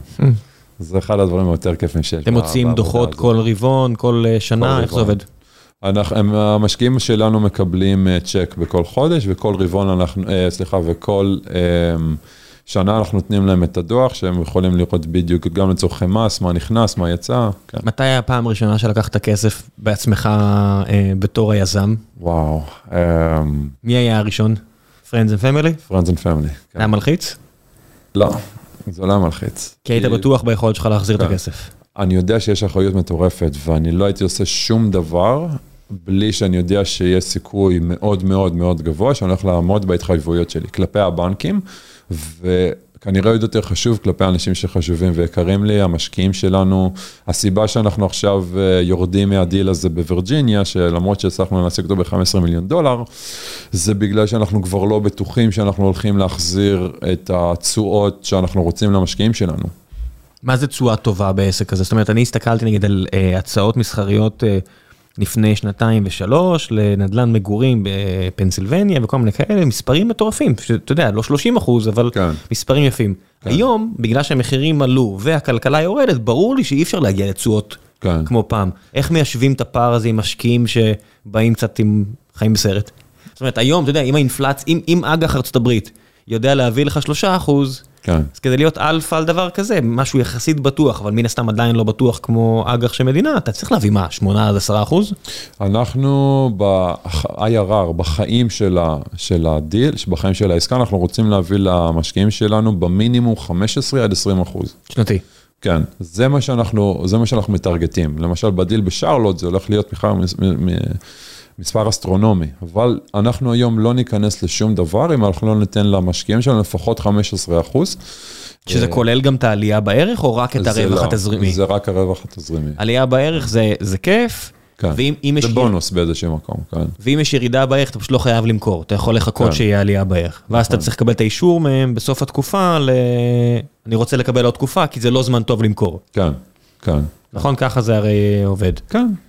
שמע, אף אחד לא, אף אחד לא יכול עכשיו לעשות טיימינג מושלם ל market. לא, אתה יכול לשאול את המשקיעים שלך, אם אה, בא להם להנזיל, או שהם רוצים להיכנס איתך לעוד תקופה, כי אתה יכול להגיד להם, עכשיו זה פשוט לא זמן טוב למכור. נכון, נכון. אתה- אם אתה מסתכל נדל"ן, זה כמו שאנשים מסתכלים על בורסה, אתה יודע, תסתכלו מ-1970, S&P, נכון עלה, אבל גם נדל"ן רק עלה, אין, אין, אני לא חושב שתביאו לי מקור אחר, אבל ברוב המוחלט של המקומות, אם תסתכלו 1970 עד היום, 50, מה, לא 50, 50 שנה נגיד, אה, זה רק עלה, כן, לאורך זמן, נכון. כי הכלכלות רק עלו. אז גם אם יהיה עכשיו כאפה, לא יודע מה, עשור רע, אתה רק צריך לשכנע את המשקיעים שיסמכו עליך כדי ש- נכון. ש- שלא לא ייבהלו. כל עוד אתה יכול להחזיר את ההלוואה ולשלם את ההוצאות, אתה בסדר. יש הרבה פעמים למשל... אלא אם אה, כן קנית עסקה ממש גרועה, זה- נכון, זה תמיד נכון. יכול להיות. כן. אה, אתה רואה, אתה רואה את זה המון, ואתה הולך לראות את זה עוד יותר. אנשים שבשנים האחרונות קנו רק בשביל לקנות, והם קנו את זה ב top of the market, והם קנו את זה במחירים לא הגיוניים ובתשואות לא הגיוניות, והם ממש בקרוב, אם זה, לא- בחלק מהמקומות זה כבר התחיל, שדיירים כבר לא יכולים לשלם, ויש לך פתאום אה, משרד אה, שלקח קומה שלמה, והם, אתה יודע, under water, והם יוצאים, וזה המצב שאנשים מתחילים לאבד את התחתונים שלהם. כן, אנחנו... לא רגועים, ממהרים למכור. פש- כן. שמע, אלא אם כן זה גם, היה לך כל מיני דברים. אם ראיתם את ויקרשט, זה הסיפור כן. הדרמטי של ווי וורק, או אם אתם מסתכלים על המספרים האמיתיים, הם חתמו שם על חוזים נוראיים. נכון. ואז כשהם יוצאים מהחוזה הזה, כי הם מתחילים להנזיל, כן. יהיה מישהו שיהנה, כי הוא יקבל הצעה טובה, אבל ככה זה, על כל הצעה זה- טובה לבן אדם אחד, זה אומר שמישהו אחר עשה טעות הרבה פעמים. אני רוצה לקנות את, בדיוק את אלה שיצאו. אני רוצה לקנות אותו מהכונס נכסים, אני רוצה לקנות אותו שהוא חצי ריק, שהוא חצי הרוס, כי כשאני קונה אותו, אז זה אומר שמישהו אחר, אתה יודע, בעצם הפסיד. או כשאני קונה אותו, אז הסיכון שלי, הוא אמנם סיכון בזה שאני לא אצליח, שהגג שלי יעלה 200 אלף במקום 150, אבל אני, אני יודע שאני קונה אותו במחיר הכי נמוך שסביר להניח שהוא יהיה בזמן הקרוב. כן, אין ארוחות חינם, יודע, אנחנו היינו פה, לפני שהיינו פה בבניין המכוער הזה, היינו בבניין מכוער אחר, כי זה תל אביב, וכל הבניינים מכוערים, והיינו לא רחוקים פה ברחוב אחר, רחוב מוכר, כן. ש- אז הת- התיידדתי עם בעל הבית, ושאלתי אותו מתי קניתם, איך קניתם, הוא אומר, זה היה מוזנח, היה פה נרקומנים, כן. הם קיבלו את זה בפינאץ, אבל ממש, בשקית של בוטנים וקשיו, כן. רק אמרו להם, העירייה, תפנו את הנרקומנים, ואתם מחויבים לשפץ את הפלאזה מאחור, ואת הפיאצה, כאילו אנחנו ברומא או לא יודע כן. מה, ואת המקדימה, זה עליכם ושלכם. וזה רווח מטורף, כן. והשביחו את הנכס. נכון. אבל הסיכון היה עליהם, הם היו צריכים להתעסק עם אנשים מפחידים, אתה יודע, בסופו של דבר שאני לא רוצה, נכון. אז מי שמוכן לשלם את המחיר, יש הרבה הזדמנויות, עכשיו יהיה גם, כן. אבל מפחיד, נכון, זה חלק מהעבודה. אין ארוחות חינם. אין ארוחות חינם. לא, אם אתה קונה את זה ב-100%, אתה קונה את היפה ואת המשופץ ואת. עם החור- עם את ה- עם החוזים החדשים, וה- אז אתה קונה את זה עם סיכון, שזה סביר להניח הולך רק לרדת. אם אתה מצד שני, בדיוק כמו שאמרת, אתה קונה את זה עם הנרקומנים, ואתה קונה את זה עם כל, ה, כל הבלגן מסביב, אז אתה משלם על זה מחיר, אבל זה הרווח שלך, כן, וזה אתה- מה שאנחנו עושים. אתה בעצמך, שאתה בוחר איפה לגור, זאת אומרת, אתה עכשיו כן. מדבר איתי מישראל, ואתה זה, כן. זה משפיע עליך, העובדה שאתה רואה שנדל"ן הוא בסוף לא רגשי, הוא מאוד אה, משחק של מספרים. משחק של מספרים, זה גם גורם לך, זה כמו שדיברנו בהתחלה על אה, רווקות לעומת אה, להתיישב, אז אתה יודע, כן. שאתה רואה את כל האפשרויות וכיף, זה גם גורם לך פחות חיבור למקום אחד? אמ, אני חושב שזה שונה, כי ברגע שאתה חי במקום, אתה בעצם מכה שורשים. זה שונה ההחלטה הזאת איפה אתה גר לעומת מה שאתה קונה, כי כשאני עכשיו קונה נכס מסחרי, זה משחק של מספרים, וזה עבודה. אין לי שום, אתה יודע, אני לא חושב שאני עכשיו קונה נכס, ב, יש לנו נכס בדאלאס למשל, לא הייתי גר שם דקה, אבל המספרים כן. עובדים. יצא, יצא לי להיות שם ואני לא, לא, לא רוצה, זה, יש שם אחלה barbecue. זה, זה, זה לא בשבילי. כן. זה, זה, אתה, אתה מגיע מלמעלה ואתה רואה, ויש הרבה מקומות כאלה בארצות הברית וזה לא נגמר. כן. זה עיר ענקית והכל ענקית. נמוך, כן. אין downtown, אין center, זה הכל מפוזר לגמרי. נכון. וזה קצת שוק, אתה יודע, שאתה מגיע ממקום כמו תל אביב, זה קצת שוק להגיע לאטלנטה, לדאלאס, כי אני מכיר את זה מהתרבות האמריקאית. כן. אתה מצפה למשהו ואתה, טוסון, אריזונה, אתה כל מיני מקומות שאתה לא חושבים עליהם, שיש בהם מיליון פלוס אנשים. כן. זה לא פיניקס, זה כן. כמה שעות למטה שם דרו- דרומה, וזה זה קשה, זה למי שלא אוהב את הדברים האלה, פסיכולוגית זה קשה. נכון. שמעתי איזה פרק, אה, פריקונומיקס עשו, ניתחו את אה, יוסטון. אני חושב שאת יוסטון, את יוסטון ודאלאס, למה הם כל כך גדלות. והייתה שם מישהי שעברה מניו יורק סיטי. היא אמרה, אין, ברור שהייתי חייבת לעבור, כי יש פה דירה הרבה יותר טובה, ומצאתי עבודה. והיא אומרת, ואז את מבסוטה? היא אומרת, לא, I cry myself to sleep every night. ואתה אומר, איזה, אתה יודע, זה קשה, כי יש חיבור רגשי לדברים האלה, נכון. אבל כלכלית, זה הרבה יותר הגיוני. כן, נכון. זה גורם לך לחשוב לעשות עסקים בארץ, או שלא מעניין? לא, לא. אין סיכוי, אה? חד משמעית, לא. בירוקרטית, הכל פה נורא ואיום. יש לך, השוק הנדל"ן הישראלי, דבר ראשון, הוא מאוד מאוד מאוד קטן. כשאתה מסתכל עכשיו על כל ישראל, אין עסקאות. כן, ויש לך כל כך הרבה שחקנים, ושחקנים מצוינים, שמתחרים על עוגה כל כך קטנה. אין עסקאות. כן. עכשיו תוסיף לזה את הבירוקרטיה, ותוסיף לזה לעבוד עכשיו עם כל מיני גורמים ישראלים, שזה לא בדיוק הדבר הכי כיפי שיש. אין, אתה יודע, זה מתחיל באכיפה. אני מכיר מישהו, גם נדל"ן מסחרי. אוקיי? אה, מוכר דברים, אז הוא מאחסן את הדברים, אני בכוונה אגיד מה כדי לא לחשוף, באחת מהערים במרכז, כן? לא תגידו הדרום הפרוע או הצפון, ופינו אותו מהנכס שלו עבריינים. ואין עם מי. לדבר. אין עם מי לדבר. דברים וואו. מגעילים, אם- הייתי כל כך שמח לספר כדי, אתה יודע, כן. להציף את הדברים האלה, אבל הוא לא מרשה לי, ואתה כן. יודע, זה- זה זה חברה גדולה שמוכרת בהמון, כן. ועבריינים. ואין, המשטרה מזניחה אותך, ושה- ושאין לך את ההרגשת ביטחון נכון. בלעשות עסקים, כן, הכלכלה לא יכולה להמריא. נכון. יש תקרת זכוכית מאוד עבה, כשאין לך את הביטחון בעסק. נכון. בזה שהעסק יהיה שם למחרת, ולא ישרפו לך אותו, ו- כן. ולא יפגעו בך. מה שאתה אמרת עכשיו זה משהו שהוא לחצי שנייה לא עבר לי בראש. בכל השנים שלנו, ויש לנו, לנו מספר נכסים בשיקגו. שיק- שיקגו זאת אחת הערים היותר מסוכנות בארצות מרדר, הברית. קפיטל, אתה יודע, בארצות הברית, כן. פאולו אלטו איסט, שיקגו, זה המקומות, ועדיין, נדל"ן, אני מכיר אנשים שקונים בפאולו אלטו איסט, והם רגועים, הם יודעים ששומרים עליהם. יש לנו מוסך שהוא אולי רבע שעה מכל ה... מהדאונטאון של, של שיקגו, וגם רבע שעה מהדאונטאון של כל, של אחד הגטאות היותר גדולים בארצות, בארצ, בכל ארצות הברית, ולחצי שנייה זה לא משהו שאפילו עובר, אתה יודע, אפילו לא עובר בראש, כי אתה, אתה אפילו לא חושב על זה, אתה משלם פרופרטי טקס, כי מישהו, ואתה מצפה לקבל בחזרה. נכון? ואתה מקבל. כן, אתה מקבל, מקבל. א' כל, הכי הכי בסיסי. אתה לא מפחד על עצמך ועל הרכוש שלך. נכון. ושהמשטרה פה, אה, אני מדבר עכשיו עם יועז הנדל שיגיע, שרוצה להיות אה, השר שאחראי על המשטרה, אז זה השאלות שאני אפנה מולו, אבל כשאין לך ביטחון ב... מילא הגוף, אתה יודע, רובנו לא מפחדים שיפגעו בהם, אבל כן. כשאתה לא- לא- כשאתה מפחד שישרפו לך את העסק, נכון, אתה לא תשקיע, נכון, אין מה להשקיע. נכון. כשאתה- לא יכול לפנות דייר ש- שלא משלם בזמן, אז אז הדירות בארץ נראות קקי, קקי נכון. פח. נכון. ואתה יודע, חלק מהתרבות שלנו, וגם אנשים יגנו, אז יגידו, מה, אתה רוצה לשפץ, אז תשפץ בעצמך. זה גם אחת הסיבות שיש לך, אני רואה את זה מהמשקיעים שלנו, יש לנו מספר משקיעים ישראלים שהם לא רוצים להשקיע פה כלום. ויש לך באיזשהו, אני לא רוצה להגיד בריחת הון, אבל אתה יודע, זה לא? כסף שיכול... זה מה שזה, זה בדיוק זה. זה מטד אריסון וכל מיני כאלה שברחו בשנות ה-60 כשהיה כן. פה פולישטי כלכלי מוחלט והכל פה היה ריכוזי ולא היה קרדיט, אז ברח מפה אנשים, לא רק הון. עכשיו הון בורח מפה. נכון. אף אחד לא רוצה להנפיק בבורסה הישראלית. כן. אין, אתה יודע, היה פה כזה... אה, כזה קמפיין של, ה- של הבורסה, שמאנדי עמדו, עמדו להנפיק, אז הם אמרו בואו תנפיקו פה. hell no, שום סיכוי. למה שאני אעשה את זה? אני ב... לפני שנה, שנה וחצי חשבתי לפתוח קרן פה בארץ ולגייס מפה, ודי מהר אני ירדתי מזה. שהבנתי, זה היה בעיקר ממניעים בירוקרטיים. נכון. אמרתי לעצמי, למה?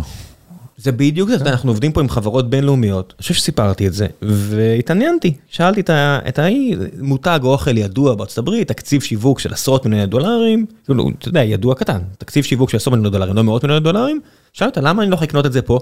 היא אמרה, רצינו, כי תל אביב וגוש דן זה אחלה שוק, נכון. זה מיליוני אנשים שיש להם כסף, רוצים לקנות, אחלה שוק עבורנו, אבל המדינה שלכם נוראית. כן. אין, המכס גרוע, לא הבנו מה אנחנו צריכים, לא הבנו כמה זה יעלה, לא הבנו מה- מה מה ה-regulations, לא רוצים, לא רוצים להתעסק איתכם. כן. כולם פה חושבים, אומרים מדינת אי. ניו זילנד זה גם מדינת אי, קפריסין זה גם מדינת אי, אי אמיתי. כן. ואין את הדברים האלה. נכון. טוב, המלצות. משהו טוב שקראת, שמעת, ראית לאחרונה? אה, וואו, כל כך הרבה, אני לא יודע אפילו מאיפה להתחיל. קח שלוש, בחר את השלושה שבא לך להמיץ עליהם. מדיטיישנס של מרקוס אורליוס, בעברית קוראים לזה מחשבות לעצמי, ובכלל כל התורה הסטואית, אחד הדברים היותר כיפים ויותר מגניבים זה ספר? שאפשר, כן, מחשבות לעצמי, ספר. מחשבות לעצמי ספר. אה, בכלל כל התורה הסטואית, כל הפילוסופיה הסטואית, זה משהו שלי מאוד מאוד עוזר בחיים האישיים, כי יש לך, אתה יודע, את הפוש הזה של עבודה, והרבה פעמים מאוד חסר את הבלנס. זה משהו שמאזן ממש, אה, לא, אתה די רגוע, אז אתה יודע, אתה די צ'ילד. נכון? אני לא מכיר אותך הרבה שנים, אתה די צ'ילד. כן, כן. כן. אה, משהו שני. אה, או-אה. אה, קראתי את הספר של, שמעתי את הספר של מתיו מקונהי. איך זה? מדהים. הוא ה storyteller הכי טוב שאי פעם שמעתי בחיים יש לו מבטא כן. דיקציה מעולה. נכון. מה זה הספר הזה? אה, אני לא זוכר את השם שלו, אבל הוא פשוט מעולה, הוא פשוט מספר את כל, ה, את כל הסיפור שלו, את הסיפור חיים. ואתה יודע, הוא בן אדם, הוא כנראה אחד הסופרסטארים הכי גדולים בהוליווד, ואחד הדברים הכי מגניבים שהוא מספר עליהם זה על העבודה הקשה. וכמה חרא אתה אוכל בדרך עד שאתה מגיע לאיפה שאתה מגיע, ועוד יותר חשוב מזה, שזה אפילו יותר קשה, להג... אפילו יותר קשה להישאר בפסגה מאשר להגיע אליה. שזה, אתה יודע, שזה ממש ממש יפה, כי הרבה פעמים אנחנו חושבים, רגע, אני אגיע לאיפה שאני רוצה להגיע, ואז אני אהיה שמח. ואז אני, אתה יודע, אבל לא, דבר ראשון, תגיע לשם ותבין ש... כמה זה לוקח, ועוד יותר כמה שזה, כמה שזה לוקח בשביל להישאר שם. וההמלצה השלישית זה שני הספרים של ראיין הולידיי, שהם לדעתי masterpiece. אחד זה The Obstacle is the Way, והשני The Ego is the Enemy. וזה גם מתקשר לתורה הסטואית, שהוא בעצם מדבר על הדרך, והדרך שכל כך הרבה אנשים מחפשים להימנע מטעויות, להימנע מכישלונות, והוא בעצם אומר שאין מה להימנע מזה, זה, זה חלק מהדרך וזה בעצם הדרך עצמה, וזה משהו שצריך ללמוד ממנו. Embrace the challenge. בדיוק, כן. כן, ג'ו אוגן, הביטוי שלו זה conquer your inner bitch, אז זה לא PC להגיד את זה, אז אסור להגיד את הדברים האלו, אבל המסר הוא אותו מסר. בסוף כולם חווים אתגרים, שלא תחשבו שלמישהו קל. נכון, וגם ב-ego is the enemy זה בדיוק מה שהוא מדבר עליו, זה מצד אחד שיש לנו את האגו שלנו, ובמיוחד לגברים שהם...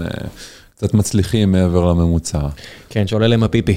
ובעולם הנדל"ן אתה רואה את זה המון. זה בסדר, המון, גם המון, היה המון. פה תקופה של, בתקופה האחרונה בטק אה, הייתה כן. שגעת, לא מחוברת, לפחות הנדל"ן זה קצת מחובר למציאות. כן. פה היה ניתוק מוחלט וכמות האנשים שהפיפי הציף להם את בין האוזניים כן. כן. גדולה, אבל זה טוב, המציאות מסדרת כאפות וכולם נהיים צנועים וחמודים נכון, שוב. נכון, נכון. זה היופי. נכון. אז הנה העצה שלי, תהיו חמודים וצנועים גם אם אתם מצליחים. נכון. זה, זה ישמור, לא. יהיה לכם יותר חברים ככה, וזה מה שחשוב בסוף. לא משנה כמה כסף יש לך בבנק או כמה כמה אתה מצליח, בסופו של דבר כולנו מגיעים מאותו מקום והולכים לאותו מקום, ותהיה... ותהיו חמודים וצנועים בדרך. בדיוק, נכון. יאללה, ביי. תודה רבה.